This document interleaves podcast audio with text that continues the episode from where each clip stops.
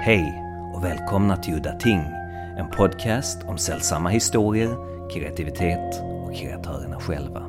Mitt namn är Henrik Möller, musiken är skapad av Testbild och loggan till podden är gjord av Malmökonstnären Nalle Chinsky.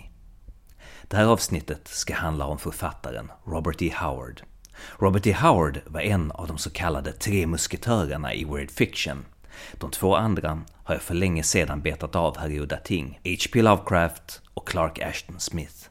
Även om jag föredrar de två förstnämnda så är Howard intressant. Han var en otroligt begåvad författare med ett minst sagt dynamiskt språk, en mästare på att skildra äventyr och actionscener. Någon gång i fjärde femte klass stötte jag på Robert E. Howards noveller om Conan the Barbarian, som jag tidigare bara mött i serietidningsform. Det var äventyrsspel som gav ut dem i pocketform. Äventyrsspels pocket nummer 1 och nummer 2, alltså de allra två första som gavs ut, innehöll samlade Conan-noveller. Vad jag inte visste då var att flera av dessa var skrivna, inte av Howard själv, utan av Elsprog de Camp och Lynn Carter. När jag för några år sedan hittade mina gamla slitna böcker i källaren och såg detta så kände jag mig lurad. Speciellt eftersom jag av personliga skäl ogillade The Camp och hans märkliga förhållande till weird fiction-genren och hur han behandlade både Lovecraft och Howard i sina tidiga nedlåtande biografier. Lovecraft A Biography och Dark Valley Destiny om Robert E. Howard. The Camp var en sorts fanboy med en avundsjuka som ville hylla och förgöra sina idoler samtidigt. Lite som Robert De Niros karaktär i The King of Comedy, om någon har sett den filmen som behandlar just detta ämnet mästerligt. Mark Finn svarar på frågan om de Camp. He really liked it in the same way that you really like something that you don't quite understand. I think I think it was so outside of what he normally was into, which was, you know, math and science. And I mean, you know, this guy was an engineer. He was a very smart man. But I, I just think Howard wrote stuff that that he didn't quite know what to make of it. But to answer your question directly, I think he was an ardent fan of Conan. I I don't think he thought much of Robert E. Howard and I think that comes through when he spends a lot of time in his in his early introductions and talking about how much fun sword and sorcery and how how the sweep of it all is, what takes you to different places and what that's what we want is some action and adventure. And then he starts talking about Robert E. Howard and he says unfortunately Robert E. Howard was maladjusted to the point of psychosis. And that's where you go oh okay that's that's not exactly something I would say about somebody I was admiring of. You just you just spent a page and a half telling me why this stuff's good and why you like it. Why are you throwing this guy under the bus? He's the guy that wrote it. I never I never understood that. And so Blood and Thunder, the book I wrote was born out of sort of a need to my intention was to explain to DeCamp that uh, some things that he maybe didn't realize at the time, and of course DeCamp had passed away by the time this came out. He never had a chance to read it. But I felt it deserved an answer because people kept referring to Dark Valley Destiny as the official biography until someone else comes along and does something. And I just, I, I got tired of hearing that. Hur som helst, tillbaka till de här gamla böckerna jag hade hittat och att jag då blev sugen på att läsa Howards Conan igen, fast denna gång på engelska. De var riktigt bra. Howards författartalang framstod i ett helt nytt ljus och hans talang för att skildra äventyr och actionscener imponerar än idag. Men det var inte bara action han bemästrade. Jag tänker speciellt på en scen i The Tower of the Elephant. I Tower of the Elephant arbetar sig Conan uppåt i ett högt torn för att hitta en skatt och på vägen så kommer han in i vad som visar sig vara en sorts tortyrrum. En märklig elefantliknande humanoid varelse hänger fastspänd på en bräda. Varelsen är halvdöd av tortyren och Howard beskriver hur den utan att kunna tala människospråk berättar med sin uppgivna förtvivlade blick att den vill att Conan ska göra slut på dess lidande. Det är ett laddat ögonblick av sällan skådad kraft som är svårt att beskriva här utan att läsa själva stycket. Styckets kraft ligger också i att det kommer helt oväntat och överrumplar läsaren. Conan, som annars skiter i det mesta och mördar folk kallblodigt till höger och vänster, fylls här av en sorg och vrede av det fruktansvärda som den här varelsen utsatts för, och gör slut på dess lidande. När man läser en scen som denna så blir det svårt att avföra Howard som skräpförfattare till våld och blod. Även Conan-historien växer med denna scen. Robert E. Howard levde mellan 1906 och 1936 då han tog sitt eget liv. Han var en minst sagt färgstark och excentrisk person som de som kände honom kunde intyga. Han bodde i den lilla staden Cross Plains i Texas. Och det finns en filmatisering som jag gillar väldigt mycket, The Whole Wide World. Filmen är baserad på Novelin Price bok The One Who Walked Alone om hennes romans med Howard. Vincent D'Onofrio och Renee Zellweger spelar Howard och Price. Denna film kommer vi tala mer om i detta avsnitt om en liten stund. Tursamt nog så har jag fått tag på världens främsta Robert E. Howard-kännare, Mark Finn, som har skrivit den prisvinnande Howard-biografin Blood and Thunder. Jag träffade Mark på Necronomicon 2015 när vi deltog i en panel tillsammans. Mark är supertrevlig och underhållande och det är tursamt nog han som ska leda oss genom det här avsnittet om Robert E. Howard.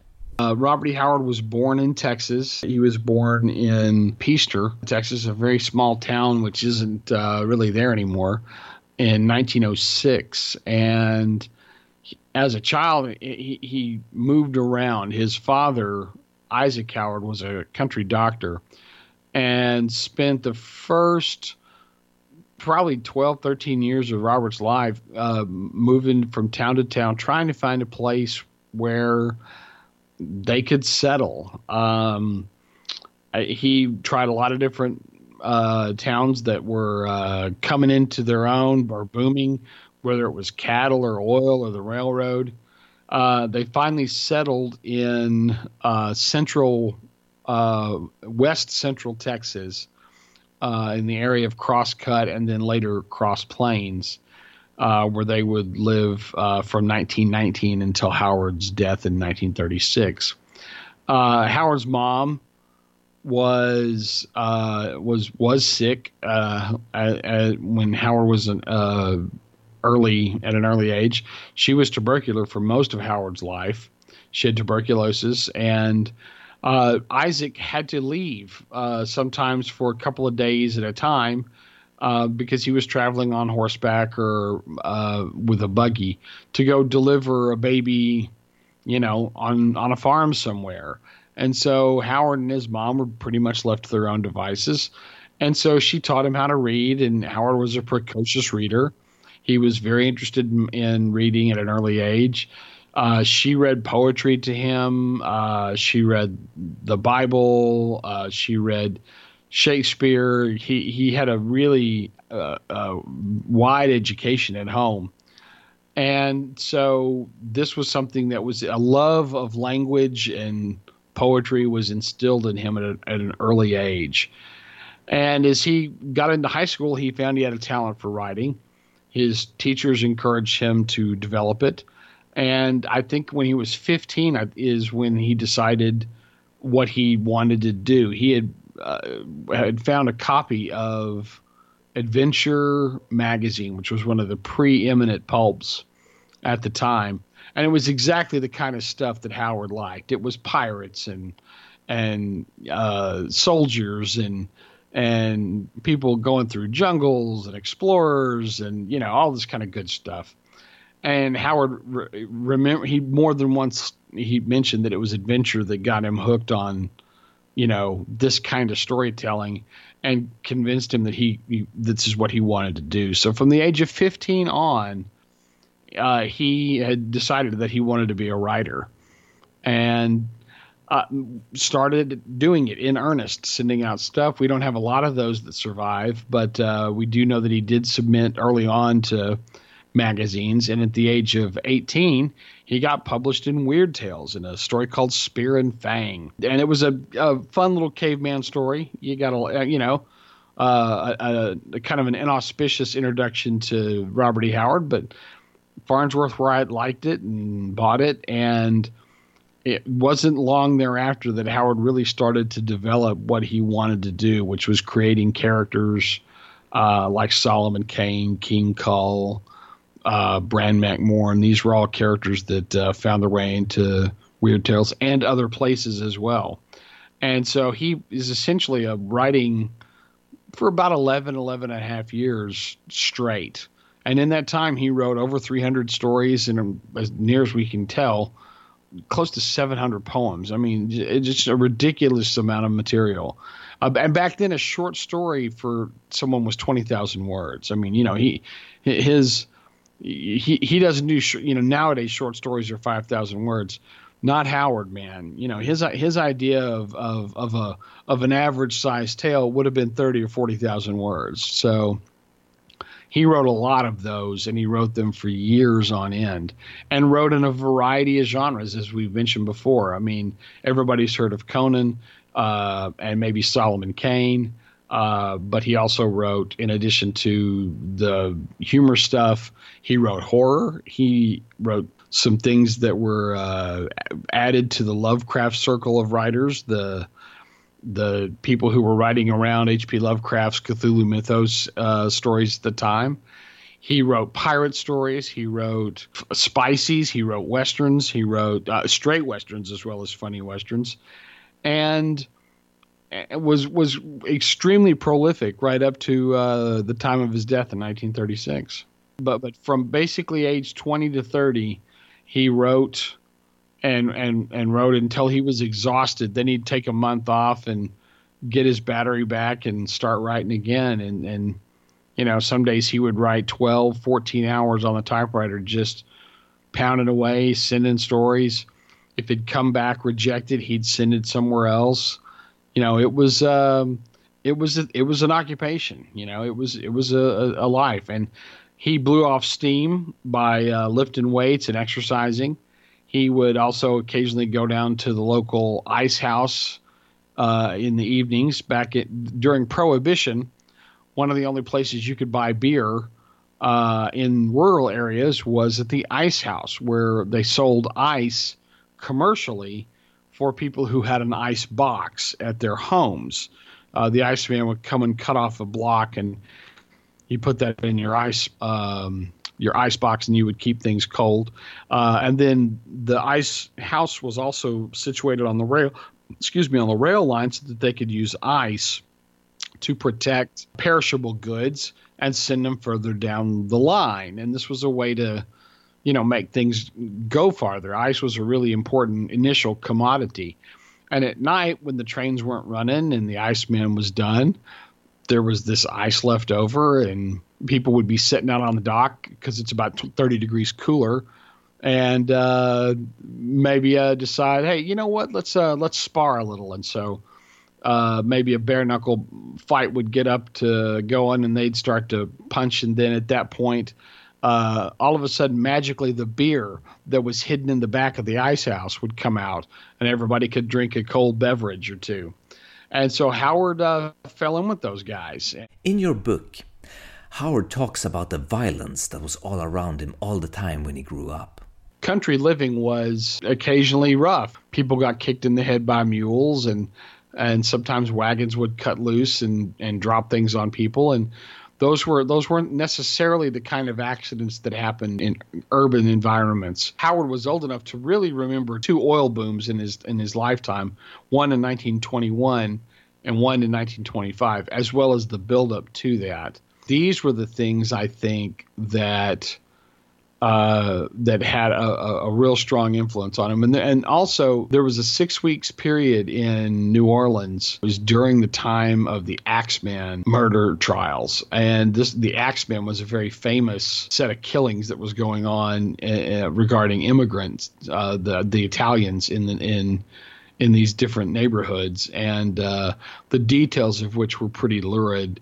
And Howard, being a reader, would have read those in the paper every day at the age of 12. I think the, the type of stories that he was interested in and the, and the time periods of history, he was really interested in the clash of cultures, civilizations ramming into one another. And this this fed into his cycle idea. This idea uh, that history sort of works on a wheel where you know mankind pulls themselves up out of the muck and they build great cities and walls and and make these advancements and then they kind of reach this apex and then they look around at all they've done and they sit down and then they relax and then they they become complacent and, and fat, and the seven deadly sins set in. The next thing you know, the doors to the castle kick open, and it's the barbarians who've been trying to get in, and they come in and sweep that civilization aside and start their own city where they start building things up, and you know, and it's this over and over cycle of boom and bust, and that is something that plays into all of Howard's historical uh, fiction. It plays into a lot of Conan. These characters who have the ability to command and inspire and instill a sense of uh, fierce loyalty, and all of these traits were traits that he admired. I love the biopic, The Whole Wide World, about Howard and Novelyn Price romance. How accurate was that film? Anytime you have a scene where Novelyn is in it, whether she's alone or with Robert or with somebody else, that's a scene from the book. Okay. The only scenes that they inserted into the film that were not in Novelyn's book were scenes where Robert's by himself. And there is one scene that I kind of don't want to spoil for you. Uh, let's just say there's a movie scene. There's a scene that takes place at the movies it's a fudge on the timeline, but it's done for dramatic purposes. And if you know the scene I'm talking about, it's it's it's really it's a great scene. but all the stuff where where Robert is by himself or with his mother are scenes that were included in the in the film. We needed to see why Robert was late to the date with Novelyn, for example. And we needed to see how he was frustrated because he, he knew he knew people didn't understand what he was doing, and and so I think I think those scenes need to be there. And do they take a little creative license? Absolutely. But what, what we what we have found over the years is that ever since the film has been out on DVD, okay, or showing on the Lifetime network here in the states, which is a very um, uh, a romance channel kind of a of a, of a TV sh- uh, TV channel. Uh, we see almost every year two, three, sometimes maybe even four women who have shown up out of the blue and they look very confused at all of the portly older guys in beards wearing hats walking around because they're here for Robert E. Howard the poet. there what where's Vincent D'Onofrio? We were we wanted to talk about we wanted to talk about the whole wide world. And everybody keeps walking up going, What's your favorite Conan story? And they go, Conan? Wait a second. It's very funny because uh, a lot of women have come to Robert E. Howard through the whole wide world as a portal. And certainly Novelyn's book, One Who Walked Alone, which the movie was based on, is without a doubt recommended reading. And one of the one of the books I leaned heavily on, one of the books that everybody going forward has to lean heavily on because it's the only first person account we have of Robert in, in the last years of his life. Do you know if Robert had been with any girl prior to Novelyn? There's a story about Howard's friends playing a joke on him because, you know, Howard sort of had this lofty, oh, I don't care much for women, you know, sort of attitude. Uh, and so they, they, they put one of their friends up to, you know, kind of putting the moves on him just to see if they could embarrass him. And, you know, and he turned the tables on them by kissing her. That didn't go over so well uh, if if you read the letters, and and there's evidence to suggest that Howard was not a virgin in that he went to places in Texas along the border where there would have been brothels. And and there's a period in Howard's letter writing where he gets very explicit uh, in, with his poetry. It's pretty obvious what he's talking about. All Novelyn would ever say was he was a great kisser. So, you know, we're going to kiss and tell, not really.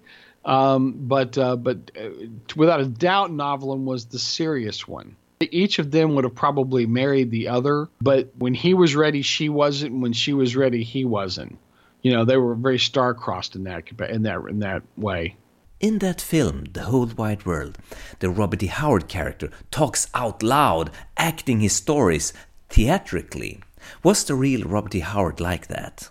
Several people have confirmed that. Uh, he sort of self dictated. You know, he talked out loud to himself when he wrote. And of course, in the, in the movie, says, he makes the yarn go smoother. Well, I think it makes the yarn go smoother, but I also think that Howard was a born storyteller. He was a gifted orator and he grew up around people who were also gifted storytellers. Yeah, and and they told jokes, they they spun tall tales. This was the currency of the day uh, in Texas in the in the teens and twenties uh, it was really important that, that that that was a big social skill, being able to tell a story, you know, out loud, tell a good joke, tell you about this guy I knew this one day, or this old boy over here, this fella comes in the store, or however you want to start it.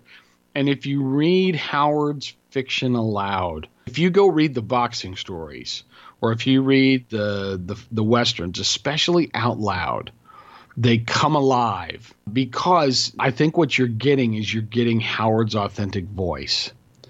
And and that is a crucial component to understanding Howard. And now let me play an excerpt from that film where Robert E. Howard is on a date with Novelyn and she asks him about his character Conan that he's writing about, that she knows nothing about because she's never read any weird tales or any of those magazines and suddenly she gets to see a new side of Robert that she has never seen before. Robert E. Howard, the eccentric storyteller.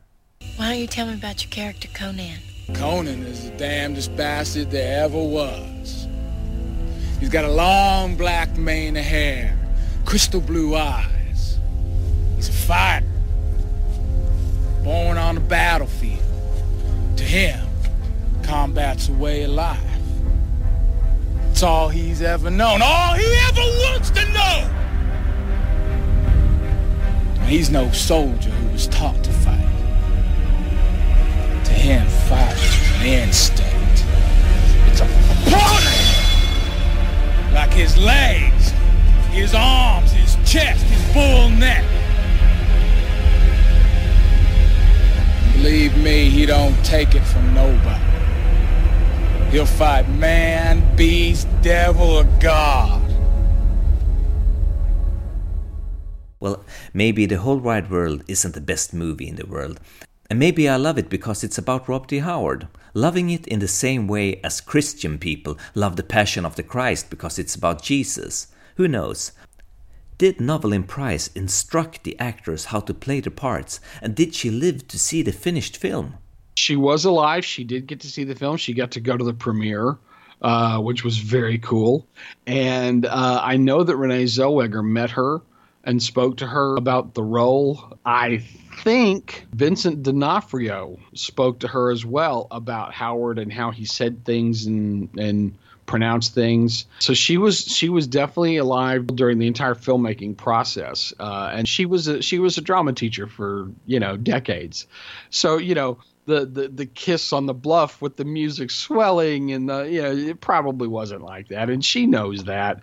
But i think she was very happy and very flattered with the movie and also pleased at at the fact that they had managed to get something of the person that she knew which was emphatically not the person that DeCamp had portrayed in his book. I mean that was the whole reason why she wrote one who walked alone. She was so angry at at Dark Valley Destiny when De, when DeCamp's book came out, she was just furious. Um, she she felt she was misrepresented. She felt she was misquoted. I, you know, that's when she went back into her old diaries and said, "I I cannot let this stand." If, and if you think about her, that kind of firebrand kind of personality that she had in the movie, you know, that sort of you know, she's not afraid to get in Bob Howard's face and tell him why he's wrong. She's not afraid to to go toe to toe with him. It makes perfect sense that she'd go, "Oh, oh, you think this book is good? Let me tell you who Bob Howard really was." I think it's. I, I think I, I love the book for that, if nothing else. Do you know what Novelyn said about Robert? She mentioned a couple of things. He he pronounced certain words kind of peculiarly, and I don't know that they came up in the movie too much. Rusty Burke did an interview with her as well. Uh, in conjunction, it, it, was sort of after the book, but before the movie. And, and, I know some of those little tidbits made it in there. You know, he would he would pronounce sword uh, with and, and pronounce the W sword, and that's and that's a very Texas thing. Uh, we we we tend to add the occasional vowel sound or consonant sound to certain words. So we don't wash something, we wash it. If we're going to grant someone a pardon, we don't grant them a pardon, we grant them a pardon. you know, you get the AY in there. And so she, I think she might have just talked a little bit about how he sounded, uh, the way he, he spoke when he uh, spoke. Uh, when, when, when he read, but he didn't. She didn't give D'Onofrio too much, and I don't think D'Onofrio wanted too much. I think, you know, if you listen to the director's commentary, he talks about how, you know, he he kind of had the freedom to sort of, you know, he he he he read some of Howard's poetry to get ready for the part, and so he really got a sense of this guy's emotional core. It wasn't an exact copy, you know. We're dealing with a woman's memory that's 50 years past, and we're also dealing with something that had to has to be dramatized. But I think some of the scenes that make some of the scenes that to me feel the most real are the scenes at the, at the very beginning when he's riding in the back seat of the car and the three of them are talking about stuff where Clyde's driving them around. I love the scenes where they're in uh, public together and you know there's some scenes where he's talking quietly to her but then when he's then other times when he's bragging you know he's trying to make the point that he he is making money in this in, in town. He's he is working. He's selling stories. It's just that nobody really got that. Or if they did get it you know they didn't think it was uh something it, it was a value you know? And so uh, that was that was part of the thing that he struggled with clearly I've never read Howard's comedy stories, and for one reason. Comedies usually have a best before date. Old comedies is usually not that funny to a modern reader. That's a big difference between comedies and, let's say, horror or science fiction stories that could still hold up if they're good. Uh, they're broad comedy. Uh, they're they're I would call them slapstick. Another word for it would be burlesque. You know, it's it's very much a lampoon of characters. These guys are cartoonish, they're larger than life. His character, Steve Costigan, is a sailor on a merchant marine. And so right away he plays into the stereotype that this guy is, is a is a boxer because because sailors fight. And uh, and he's a champion boxer of his ship. So, you know, he's he's the big fish in a small pond. He says things like, you know, when he socked me so hard, I looked down my own spine for a second. He, when he mentions, you know, when he mentions that that level of violence, you know, you, you can you can see the guy's head spinning around, almost completely around, something from a Bugs Bunny cartoon. Half those stories are excuses to get to the punchline at the end, you know, which is awesome. If you haven't, again, if you haven't read them, it's a very important piece of Robert E. Howard that so many people overlook because, and not without some reason, the 20 odd Conan stories have sort of filled up most of the space, much in the same way that Tarzan and John Carter overtook Edgar Rice Burroughs, Sherlock Holmes overtook Arthur Conan Doyle. You know these these characters you know they, they they become they become part of the cultural zeitgeist. They take on a life of their own that may not be reflected in the in the source material and certainly may not be indicative of the rest of the things that these guys wrote. You know howard wrote 22 conan stories including the fragments and the the the pieces. Um, that's that's not one tenth of of his total output Yet he wrote upwards of, uh, he wrote over a hundred humor stories if you add the boxing stories and the funny westerns together. So a third of Howard's work is humorous in nature and is only just now beginning to be looked at critically. Do you have any favorite Conan stories? Oh, oh, don't ask me to, don't ask me to it is. It's so hard. It, it's you're basically asking me to choose which of my children do I love the most. Uh, thankfully, I don't have any kids, so I can pick Conan stories instead. Beyond the Black River is just so good. A lot of people prefer Red Nails. It would uh, that's always up in my top five, anyways. but B- Beyond the Black River just has this sort of feel to it, this vibe. I really like Conan on the Frontier as a border scout. Just fantastic stuff in, in the story. It's uh, it's got that line. Uh, barbarism is the natural state of mankind. Civilization is a whim of circumstance, and barbarism must always ultimately triumph. Because at the end of the story, it, it, you know, a lot of people have been saved, but a lot of people have died, and there's a new border now because the Picts have changed the landscape. And um, I always liked the story, and then I found out that this was based on a letter that he wrote to Derleth, August Derleth, talking about the Comanche raids that used to take place in central Texas. Darned if the, what he describes in the Comanche raids isn't a whole lot like what happens in Beyond the Black River. I often think of how isolated Howard was, growing up outside a small town in Texas. How did he get to read so many books? It's funny that you could uh, mention that because I was literally having uh, this conversation recently with Joe Lansdale. I've talked to many Texas authors about this over the years. I find certain truisms. You know, it's, you know, it's true. Howard was isolated, and there's a story that he tells. We, it's apocryphal. We can't verify it about him breaking into one of the local libraries and stealing books to read. Now, whether that's actually true or not, he had trouble getting his hands on books, and he read whatever he could. Uh, so several, he would read several newspapers. He would read magazines. He'd go to, he'd visit libraries whenever he could. There was a bookstore in Brownwood, which was the big city uh, in the in the 1920s, and we know that he bought books from there. There was also a used bookseller named Von Blon in Waco, Texas, that he bought books from. So he did have access to some of this stuff. Here, here, here's here's the thing: when you're in a rural environment like this, and especially if people kind of don't know what you're doing, and but they can tell you're not hurting anybody, and it doesn't really matter uh, to them they leave you alone. They leave you to your own devices. And so he didn't start getting a pushback on the things he was writing until he was an adult. And other adults in town were going, Weird Tales? That's that's one of those trashy magazines. That's one of those pulp magazines. Oh, I wouldn't be caught dead looking at any of that trash. You know, well, prior to this, Howard didn't have anybody t- telling him that.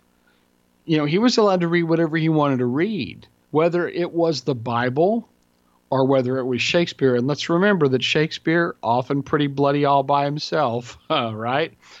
Whether it was uh, other historical fiction, whether it was uh, cowboy westerns, whether it was comic strips, which he was also a very big fan of uh, in the Sunday uh, newspapers.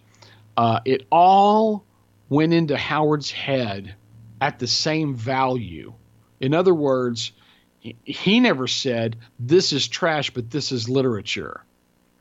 And he resented people who did. He hated being told uh, that, you know, you have to like this because it's a classic.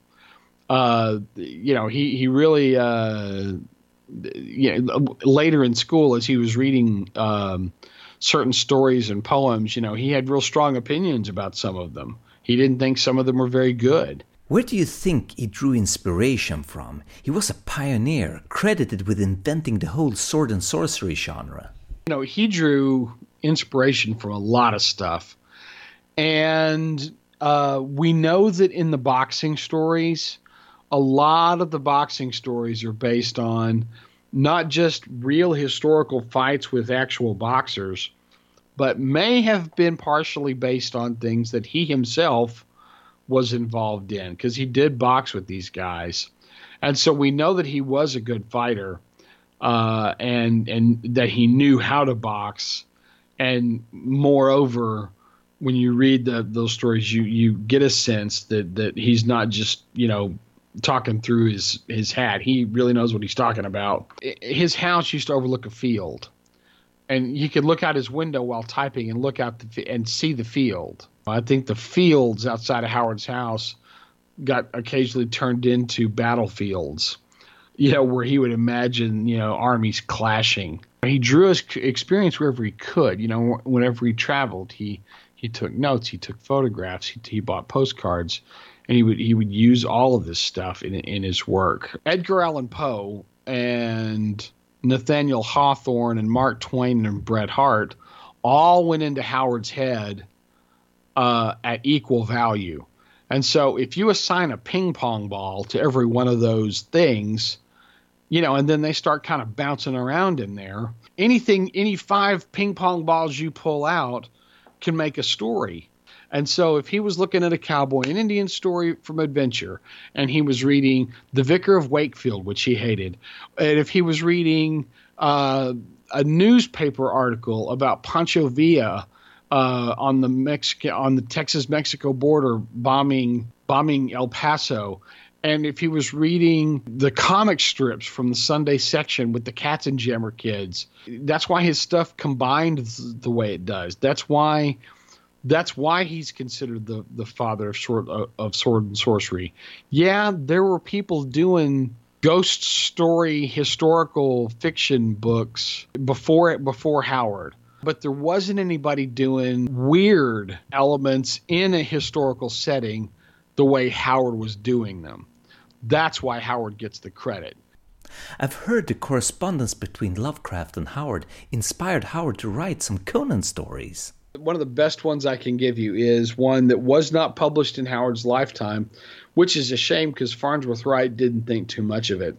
But The God in the Bowl is a very important Conan story because it's Conan's first brush with civilization, and uh, it's it's a template for everything that people in power do to people who are not in power, according to Howard. You know, you've got a barbarian who uh, needs food.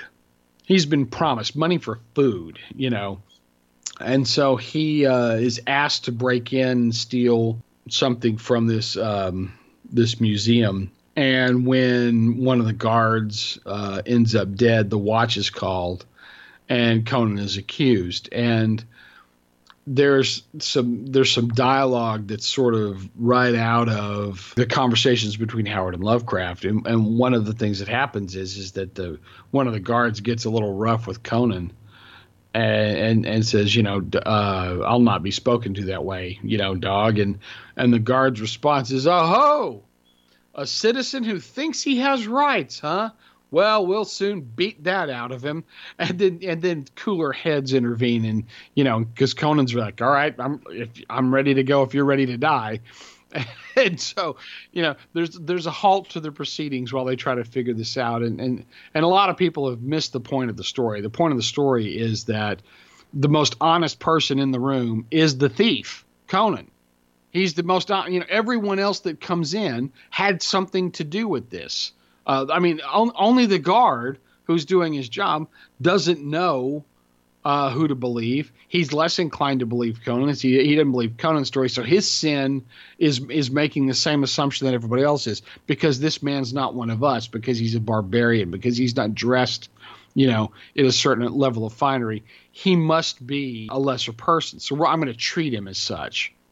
So it's all about power disparity. It certainly comes off that way in the the King Conan story, the Scarlet Citadel, where they they've captured Conan the King and they're making him a generous offer. We're going to let you stay on some land over here, and then we're just going to run the country without you.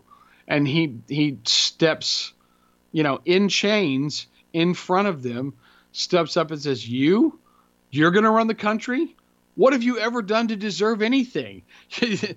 All every every bit of wealth you're sitting on right now was uh, delivered to you at the hands of your fathers or your forefathers, and they and trust me, they fought and bled and died for it.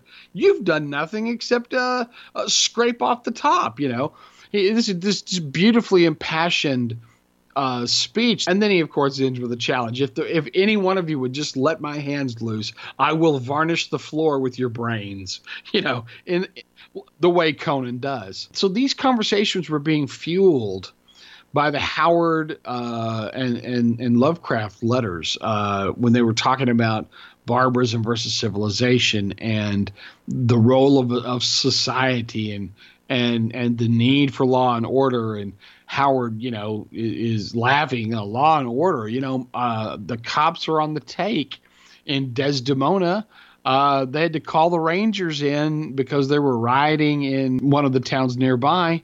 I, you know, what are you talking about? You know, and and Lovecraft is well, that's never happened here, and I see, you know, it, they just they, they were literally, I mean, it, it was literally a Mars Venus kind of a situation. They could not have been more different, and uh, sometimes Lovecraft, I think he just really liked to argue, and and I think it shows in his letters, and sometimes he would concede a point and sometimes he would deliberately kind of twist Howard's words around to keep the argument going. When he couldn't get Lovecraft to sort of see where he was coming from or concede a point on, you know, something else, you know, he, you know, oh, you don't see it this way. Here's a Conan story that explains exactly what I've been trying to say. You know, that's that was how that worked out. And so, in that regard, uh, it, it, was a tremendous influence on Howard, uh, his uh, his relationship with Lovecraft. Roberts död hade blivit något av en legend, men den mest sanningsenliga versionen lyder enligt följande. Roberts mor hamnade i koma och när doktorn fastslog att hon inte skulle vakna upp igen så gick luften ur Robert. Han gick ut och satte sig i sin bil. Alla i huset hörde skottet. Men efteråt så drog sig familjens kock till minnes att hon hade sett Robert sitta med armarna uppsträckta i luften som om han bad till Gud. Robert hade skjutit sig med sin pistol ovanför höger öra, rätt genom huvudet. Otroligt nog levde han åtta timmar efter skottet. Nästa dag dog hans mor och hans far fick helt förkrossad begrava både sin fru och sin son. I Roberts ficka hittades en lapp med texten All fled, all done, so lift me on the pyre, the feast is over, the lamps expire. Ett självmordsbrev, raljerades det. Klart att det var ett självmordsbrev! och legenden sprang iväg på egna ben.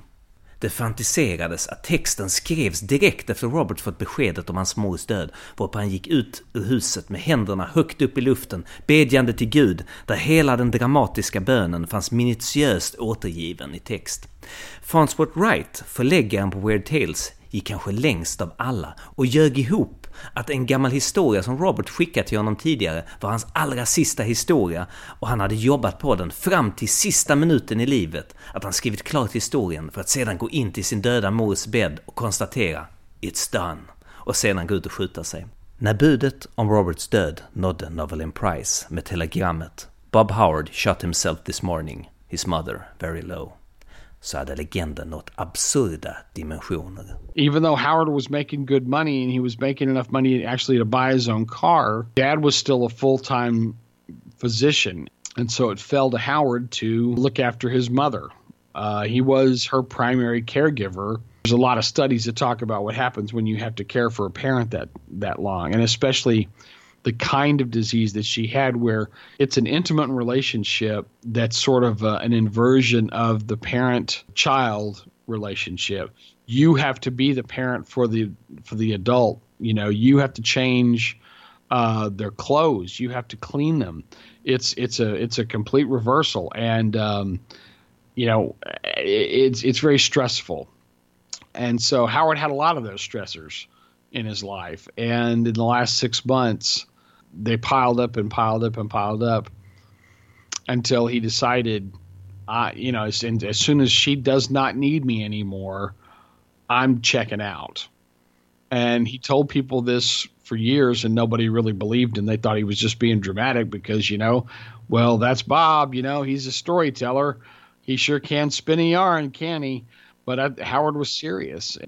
His decision is being treated a lot more sympathetically now than it was in de Camp's day, uh, who you know de Camp considered it a weakness, a failing, and he felt that it was something that uh, was a very uh, negative uh, thing, an indication of a weak personality. You know, this this is you know classic armchair Freudian psychology, for which DeCamp was absolutely you know not an expert nor uh, uh, qualified to give an opinion on. Um, well, all we really have are guesses because he didn't leave a suicide note, or or or rather, no no note exists, no will exists, no note exists. So we just sort of have to go on the events that took place at that time, and you will never know. We'll never really know. You can play that guessing game all day. I, my my advice to fans, because there's a lot of people that love to speculate on this, it's morbid, and I think some people like car crashes more than they like the cars. My advice to anybody who who who wants to spend a lot of time thinking about this is there's 300 Robert E. Howard stories and 700 poems, and and I know you haven't read all of them yet.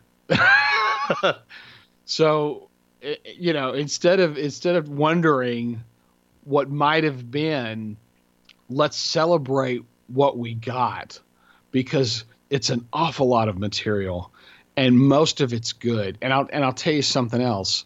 The best of it, it reaffirms life and I know that sounds kind of funny, but Howard's characters, whether they're serious or whether they're funny, whether we're talking about Conan or Sailor Steve Costigan, they don't give up. They never say die. They never surrender when they're outnumbered, when they're when the odds are against them, when they when they're beaten and they know it. They never give up. That should that should be the takeaway when you read Robert E. Howard. Och med de orden säger vi hej då Det var allt för den här gången. Mitt namn är Henrik Möller. Musiken är skapad av Testbild. Hej då!